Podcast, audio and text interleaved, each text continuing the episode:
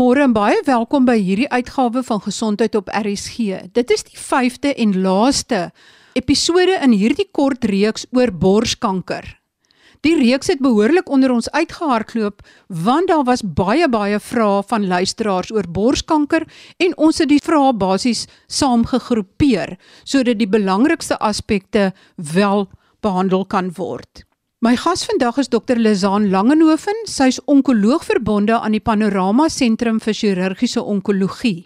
Gaan kyk en luister gerus na die volledige reeks van episodes oor borskanker wat jy sal vind op Top Stories op RSG se webblad.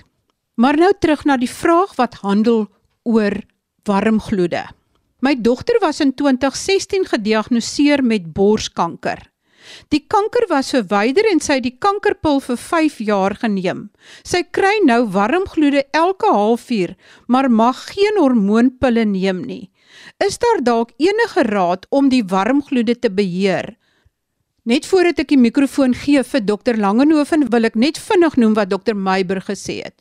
Hy sê warmgloede is 'n baie lastige probleem vir borskankerpasiënte. In 'n studie in Engeland het 28% van die pasiënte gesê hulle oorweeg om hulle endokriene, dis hulle hormoonterapie te stop weens warm gloede. Kom ons hoor wat dokter Langenhoven kan byvoeg oor hierdie onderwerp.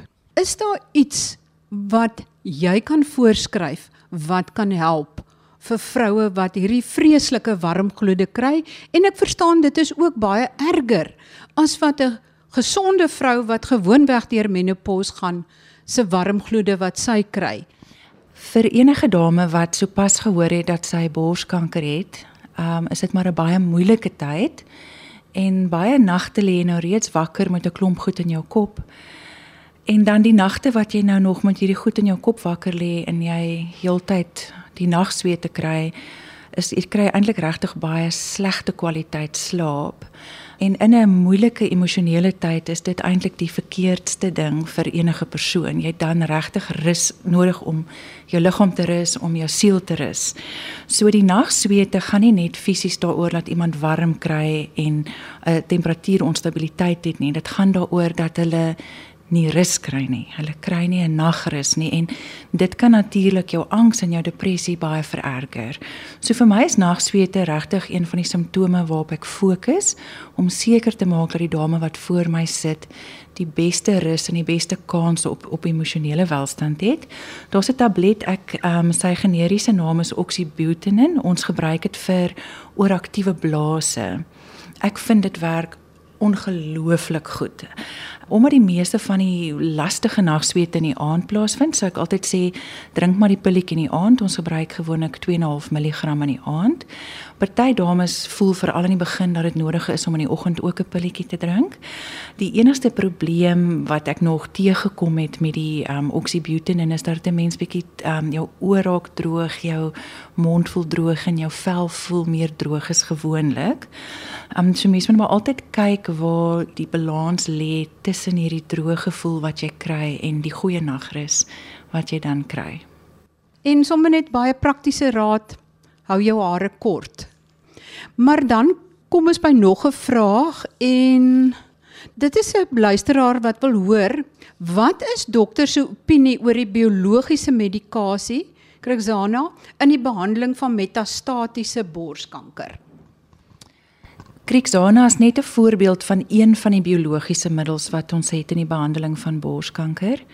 Dit word spesifiek gebruik vir ehm um, vrouens wat hormoonsensitiewe borskanker het wanneer daar verspreiding plaasgevind het na ander organe of um, ons gaan sien in die volgende jaar of twee sal dit meer algemeen gebruik word vir vroue nadat chemoterapie gebruik is wat dan steeds hoë risiko borskanker het en nog steeds positiewe limfknope dan oor het na behandeling. Ek onthou toe die middel die eerste keer uitgekom het, het ons gekyk na wat is die verskil tussen iemand wat dan slegs 'n enkel middelhormoononttrekking gebruik soos letrozole of Femara of uh, Faslodex teenoor iemand wat dan die tweede middel bysit, die biologiese middel en ek sal dit nooit vergeet nie want die verskil was een Kersfees teenoor 2. Um, en ek praat nie nou van oorlewing nie, ek praat van die tyd sonder verergering van die kanker. Onthou in hierdie kanker sien ons dit baie meer as 'n kroniese siekte. So ons sien dit nie as dieselfde aggressiwiteit as 'n triple negatiewe borskanker of 'n HER2 positiewe borskanker nie. En dit is iets waar ons in elke lyn probeer om soveel ekstra tyd te koop as wat ons kan. So die kort en die lang antwoord kom eintlik daarop neer dat jy waarskynlik kyk na 24 ekstra maande sonder progressie wanneer jy die kriksona bysit en in my ondervinding word dit regtig baie baie goed getolereer. Die eerste paar weke is maar soos enigiets wat nuut is, is maar 'n bietjie van 'n aanpassing, maar as jy gaan gym nou jy nooit gegym het nie, is dit ook 'n aanpassing. So ons vergeet net baie keer dat alles kom met aanpassing, maar mense liggaam vind 'n balans en ek dink dit is 'n ongelooflike middel. So ek gebruik dit graag en ek beveel dit aan vir vir enige vrou wat die opsie kry om dit te gebruik. Dan was daar nog 'n vraag oor metastatiese borskanker en dit is 'n luisteraar wat wil weet spesifiek na verspreiding na die skelet toe. Daar is nie net een tipe borskanker nie en elke tipe borskanker het sy eie eienskappe. En wanneer ons praat van kanker in been wat van die bors afkom, dan praat ons nie van beenkanker nie. Ons praat van borskanker wat versprei het na been. So die selletjies wat dan in die been sit, is presies dieselfde selletjies of hulle is afkomstig dan van die bors af. En die selle na die lewer of na die brein of na die long. So as jy metastatiese borskanker kry, beteken dit nie jy het borskanker en longkanker en lewerkanker en beenkanker nie. Ons praat van verspreiding van die borskanker. En as jy dan onder 'n mikroskoop sit, dan sal jy sien dat dit borsweefsel is wat die vermoë gehad het om na 'n ander deel van die liggaam te versprei. Ons behandel verspreiding van borskanker net soos ons die subtipe van daai borskanker sou behandel. So ons hormoonsensitiewe kankers is geneig om na baie jare op 'n later stadium na been te versprei. Ons sien verspreiding na die organe eintlik relatief laat en baie keer eers na regtig baie baie jare en baie baie lyne van behandeling. So in ons hormoonsensitiewe kankers is verspreiding na organe nie baie algemeen nie, maar verspreiding na been is en ons behandel dit so ons nou net gepraat oor Crixana en oor Faslodex. Ons hanteer dit as daar nie verspreiding is in 'n gevaarlike manier nie. Hanteer ons dit net met hormoonontrekking en 'n mens kan vir baie lank stabiel wees op hormoonontrekking. As daar 'n pynlike area is, um, kan ons bestraling aanbied na daardie area. Um, en daar's ook 'n beenversterker wat ons gebruik om te beskerm dan teen frakture um, as gevolg van kanker in been. So ons noem dit 'n bisfosfonaat. Die siekte wat na been gaan is gewoonlik die hormoonsiektes en baie keer ons 'n baie lang tydperk wat ons regtig baie stabiele siekte het. Die langste dame wat ek nou al in kontak mee gekom het, het al 20 jaar lank verspreiding na been. Ehm um, so sy gaan van een ehm um, rotine na ander rotine na ander rotine waar ons begin verspreiding na die organe sien, lewer, long en brein, is dit gewoonlik een van die meer aggressiewe subtipes, veral die HER2 subtipe en die triple negatiewe subtipe wat geneig is om vroeg uh, orgaanverspreiding te veroorsaak. Dit word weer eens behandel soos wat daardie subtipe borskanker behandel sou word. In meeste gevalle praat ons dan van 'n chemoterapie benadering. En in die HER2 subtipe het ons nou 'n klomp nuwe middels. Ehm um, en ek is so opgewonde oor hierdie nuwe middels want ons sien vrouens wat reeds deur 7 of 8 verskillende tipes chemo gegaan het wat steeds 'n volledige respons kan kry. Um, en ek is seker daar's baie van julle wat al van Larry Ann Bibak gehoor het. Sy is ehm, 'n um, pasiënt wat in 2018 gediagnoseer is met metastatiese HER2 borskanker na lewer en as gevolg van die kwaliteit van die behandeling en ons verstaan houding van die siekte het Lori Ann geen aantoonbare siekte nie. Sien so wanneer 'n mens begin verstaan wat is dit wat die kanker dryf of voed? Ehm um, wat het ons nodig om in hierdie geval vir hierdie vrou aan te bied? Dan begin ons mense sien wat in die langtermyn begin oorleef en leef met hulle siekte en dit sodoende dan eintlik meer 'n kroniese siekte word. Maar in die triple negatiewe subgroep is dit ongelukkig baie keer ehm um, dat ons net nie heidaglik die nodige kennis het nie en ongelukkig is dit nog so dat triple negatiewe borskanker veral bekend is daarvoor om binne 2 jaar iemand se lewe te kan eis. Um, so dis altyd vir 'n onkoloog 'n groot uitdaging as 'n jong persoon voor jou sit, veral met triple negatiewe borskanker want die toekoms is duister op daai oomblik vir daardie vrou. Mense hoop natuurlik dat daar biologiese middels of immuunterapie of iets sal kom wat dan ook effektief sal wees teen triple negatiewe borskanker. Die huidige benadering tot triple negatiewe borskanker gaan in twee rigtings. So die eerste rigting is immunoterapie en ongelukkig het dit nie vir ons baie goeie uitkomste gegee in verspreide borskanker nie. So as dit eers gemetastaseer is, het dit gelyk asof ons immunoterapie nie regtig 'n baie groot waarde toegevoeg het tot ons behandeling nie. Maar in dames waar ons voor chirurgie behandel om die kanker onder beheer te kry, waar daar betrekking van die limfkliere is, die limfnodes, het ons tog 'n groot of 'n relatiewe groot um, verskil gesien in jou kans op genesing. So ek het nou al 'n hele paar dames deurgevat die afgelope jaar en 'n half vandat die data beskikbaar is, maar ongelukkig betaal die meeste fondse nog steeds nie um, vir immunoterapie nie, omdat dit maar baie duur is. Um, so hierdie dames moes self die besluit neem om hulle immunoterapie dan te befonds. Die ander groot rigting waar in triple negatiewe borskanker gaan, is die chemo antiliggaam rigting waar die die chemoterapie word as sulke klein lobielietjies geheg aan 'n reseptor. En ek het laas verduidelik dit is soos die mannetjie wat uit die valskerm uitspring en op sy rug het hy 'n bommetjie en hy gaan soek dan 'n kankerselletjie en die oomblik wat in die kankersel gaan sit, dan los hy die bommetjie in die kankersel in. So in plaas daarvan om jou chemoterapie aan die hele lyf toe te dien, is die idee dat ons net die selletjies wat ons eintlik dan wil doodmaak, teiken ons chemoterapie aflewer en ons daai kankerselletjie doodmaak. Ons het nou ongelukkig nog nie twee van die groot middels in ons land nie. Ehm um, Ons hoop dit gaan binne die volgende 6 na 12 maande beskikbaar wees.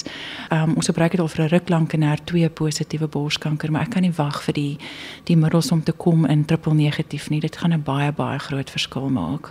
My gas vandag is Dr. Lizaan Langenhoven, onkoloog verbonde aan die Panorama Sentrum vir Chirurgiese Onkologie en ons behandel die laaste sarsie van luisteraarsvrae oor borskanker. Die vraag lui as volg: Ek is in 2017 gediagnoseer met borskanker. Ek het chemoterapie, 'n mastektomie en rekonstruksie gehad. Daarna was ek op antihormoonbehandeling, Kessar, geplaas wat ek vir die afgelope 5 jaar gebruik het. Ek maak die einde van hierdie maand klaar met die Kessar behandeling, aangesien dit net vir 5 jaar gebruik moet word. Ek wil graag weet wat is die beste opsie vorentoe om na my gesondheid te kyk? Hoe gereeld moet ek my bloedtoetse laat doen? 6 maandeliks, jaarliks, ekstrale, mammogram, sonar, hoeveel, wanneer, wat? En dan sê sy ook, ek voel 'n bietjie broos om te weet ek gaan nie meer daardie beskerming van die kessar hê nie. Kom ons begin met die gereelde opvolg bloedtoetse, mammogramme ensovoorts. Wat stel jy voor vir so 'n pasiënt?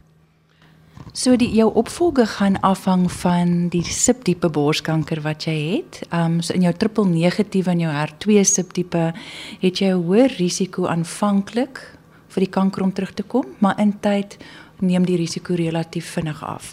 So vir vrouens met die meer aggressiewe subtipe, um, sou ek ehm um, stadieringsondersoeke meer algemeen aanbeveel en ek sal ook in plaas van net 'n gewone ekstraal in hierdie gevalle 'n CT skandering of 'n PET skandering gebruik. Ehm um, vir vroue met baie lae risiko siekte kan 'n mens eintlik net kyk na jaarlikse mammogramme. Die vraag wat jy my nou vra is eintlik 'n klein bietjie van 'n mynveld want ek loop nou om die myne hierso. Die Europese uh, onkologie vereniging het eintlik 'n baie baie meer hands-off approach as wat ons in Suid-Afrika het. Vir hulle gaan die opvolge baie meer oor um emosionele ondersteuning. Dit gaan oor um leefstyl aanpassings. So dit is doen jy jou oefening, um eet jy gesond, hoe lyk jou alkohol in jou inname en jou rook jy so hulle verstandhouding van die opvolgproses is baie anders as ons en ons is in Suid-Afrika baie gedryf deur vrees. So ons doen baie bloedtoetse en net scans en nog scans en hoe gereeld en ek moet opgevolg word. Ehm um, so elke onkoloog het sy eie ek dink ritme. Ehm um, dit sal nogals goed wees dink ek as ons meer 'n algemene ritme kan kry en dieselfde kan sê, maar daar gaan nie een onkoloog wees wat vir jou dieselfde se aan een gaan sê nie. Ehm um, ek het baie ook 'n Europese aanslag. So ek verkies om te kyk na die risiko en die, die tyd wat die risiko voorkom en ek doen altyd die minste nodige omdat niks kom sonder komplikasies nie. Jy kan nie iemand 20 keer scan in 20 jaar nie. Ek ek het dit laas ook verduidelik. So ek is nou jammer, maar ek kan nie daai vir jou antwoord nie. Dit is iets wat jy met jou eie onkoloog moet bespreek. Goed, dan is dit die deel oor die Kessar, die antihormoonterapie mens gebruik dit gewoonlik word dit vir 5 jaar voorgeskryf. Ek verstaan in sommige gevalle selfs vir 7 jaar, maar is die 5 jaar eintlik 'n lang periode of is dit eintlik kort sodat mens onbeskermd voel as die kessar weggevat word? Hierdie was 'n vraag waarmee ons gesukkel het as onkoloog. Ons het nooit geweet presies hoe lank om hormoonbehandeling te gee nie en wie moet hoe lank dit kry nie. So ons het oor die afgelope 15 na 20 jaar verskillende tydperke uitgetoets. En daar was 'n tyd wat almal vir 10 jaar die kessar moes gebruik. En toe het ons nou onlangs agtergekom dat dit nie nodig is om so lank vol te hou met behandeling nie, want die behandeling het ook neeweffekte wat daarmee gepaard gaan. So waar ons regtig hierdie vroeë borskankers het sonder verspreiding na kliere, sê ons 5 jaar is voldoende. Of as daar hoë risiko's teenwoordig is, dan verkies ons 'n tydperk van 7 jaar. Um en dit sou dan nou wees as die kanker bietjie groter is of as daar verspreiding na kliere is. So die huidige aanbevelings gee nie vir ons regtig baie waarde daarvan om verby daai aanbevole tydperk te gaan nie. Ons het regtig probeer om ek dink daar's mense wat dit vir altyd sal drink en dit het nie 'n verskil gemaak nie. Ek dink as 'n mens verstaan hoe dit werk, kan dit vir mense bietjie meer uh, gerusstelling gee. En ek weet nie wie van julle weet nie, maar TB behandeling word vir 6 maande gegee. Maar eintlik is jy na 2 weke reeds genees van TB. Maar die probleem wat ons het is dat die TB goggo so half in 'n 'n suurvaste doppie leef. En solank aan die doppie is, kan ons nie die TB kiem eintlik dan nou doodmaak nie. So in die eerste 2 weke maak ons al die kieme dood of al die die al die TB basille noem ons dit wat wakker of aktief is of uit hulle doppies uit is. En dan vir die res gee ons elke dag die pille sodat as een van hierdie basille dan uit sy doppie uitkom, hy dan in die behandeling vashardloop en op daardie oomblik word hy dan doodgemaak. So dit is eintlik net 'n versekeringspolis wat ons in plek sit vir die die ehm um, TB goggokies wat nog bietjie aan die slaap is. En en uh, ons hormoonontrekking werk ook eintlik maar so. So ons het selle in ons bors en kankerselle wat wakker is of slaap. En die behandeling gaan eintlik nie die selle dan teiken wat wakker is. So as ons vir 5 jaar hierdie behandeling neem wat eintlik 'n lang tydperk is, gee ons genoeg kans dat as enige kankerselletjie in die slaap was, hy kon wakker raak in die tussentyd in die dag wat hy wakker is, loop hy homself vas aan die kessar. So die die kessar is ook eintlik net 'n 'n voorkomingspolis wat 'n mens dan uitneem. Ek dink die broosheid wat mens voel as jy ophou met behandeling het nie net te doen met die feit dat jy nie meer kessar drink nie. Ek dink dit het te doen met die feit dat jy moet teruggaan na 'n lewe wat onvergewerp was vir 'n baie lang tyd. En ek vind dat selfs op 20 jaar wanneer dames terugkom vir 'n jaarlikse mammogram, hulle nog steeds daai angstigheid voel en daai hartklop het want dit is iets ernstigs wat met jou gebeur het en 'n mens gaan nie net vergeet nie. So my beste advies is om maniere te kry om dit wat kanker van jou weggevat het terug te vat. Weet as jy bekommerd was oor 'n toekoms, vat vat dit terug. Vat vat daai vrese terug en fokus op die toekoms. Want hierdie is nie iets wat ons gaan kan regmaak met enige ander middel nie. Dit is deel van mens wees. Met ander woorde, al is die kanker moontlik in beheer, die gevoel wat jy die emosionele gevoel van die kanker is nog in jou kop. En ek sê altyd vir my pasiënte, onthou die besluite wat ons vandag neem gaan beïnvloed hoe ons waar ons is oor 5 jaar. So as ek vandag besluit ek gaan elke dag gym en ek gaan baie gesond eet en baie mooi na myself kyk, gaan ek 'n sekere uitkoms hê op 5 jaar. Maar as ek besluit ek gaan dit nie doen nie en ek gaan elke dag TV kyk en ek gaan eerder net lekker eet en ek gaan nie worry oor oefen nie, gaan ek tog 'n ander uitkoms hê op 5 jaar. Maar dit is net so wanneer ons emosionele besluite neem. As ons besluit, goed, dit het nou gebeur en ek het gedoen wat ek kon vanuit 'n menslike oogpunt. Ek het dokter toe gegaan, ek het behandeling gedoen wat aan my voorgestel is. Ek het my kessar gedrink en ek gaan nou aangaan. Ek het gedoen wat ek kan. Ek gaan nou 'n goeie lewe leef.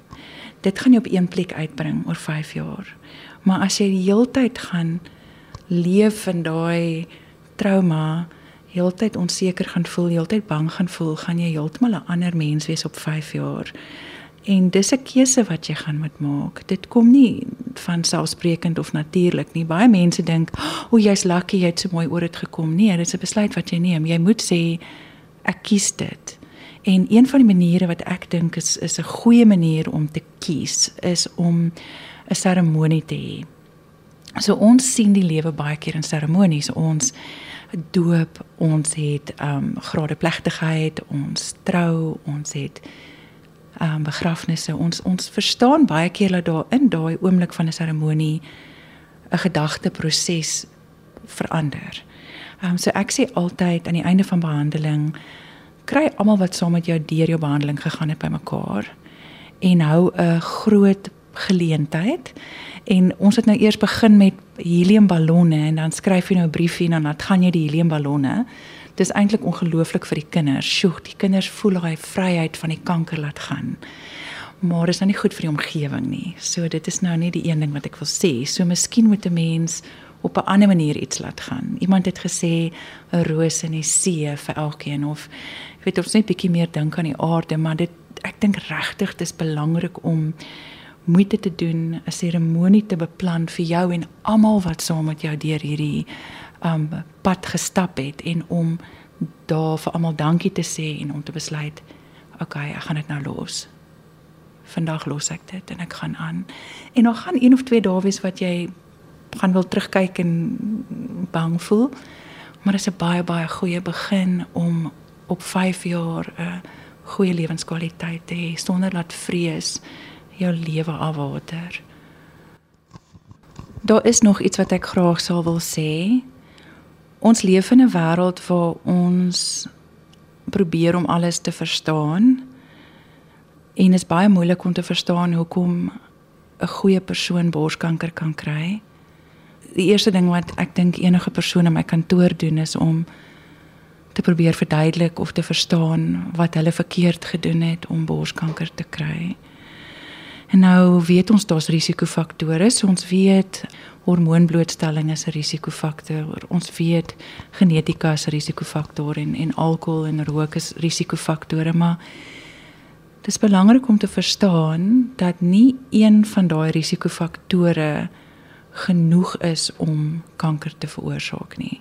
Meer as een verandering moet plaasvind om te lei tot die vorming van borskanker en om nou te gaan sê ja, maar ek verdien dit want ek het gerook of ja, dit sal my nou leer om my glas wyn in die aand te drink en dit dra eintlik glad nie by nie. Dit dit is nie waar dit gaan nie en dit is ook nie hoe dit werk nie. Ehm um, selfs as jy kyk na rook waar daar so sterk verband is tussen rook en en longkanker, is dit nog steeds nie 100% nie. Dis nie eers 50% nie.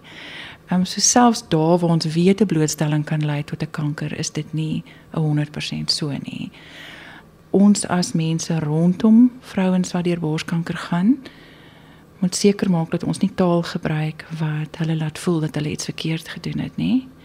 Ons moenie taal gebruik wat hulle laat voel dat hulle iets anders kon gedoen het of moes gedoen het nie.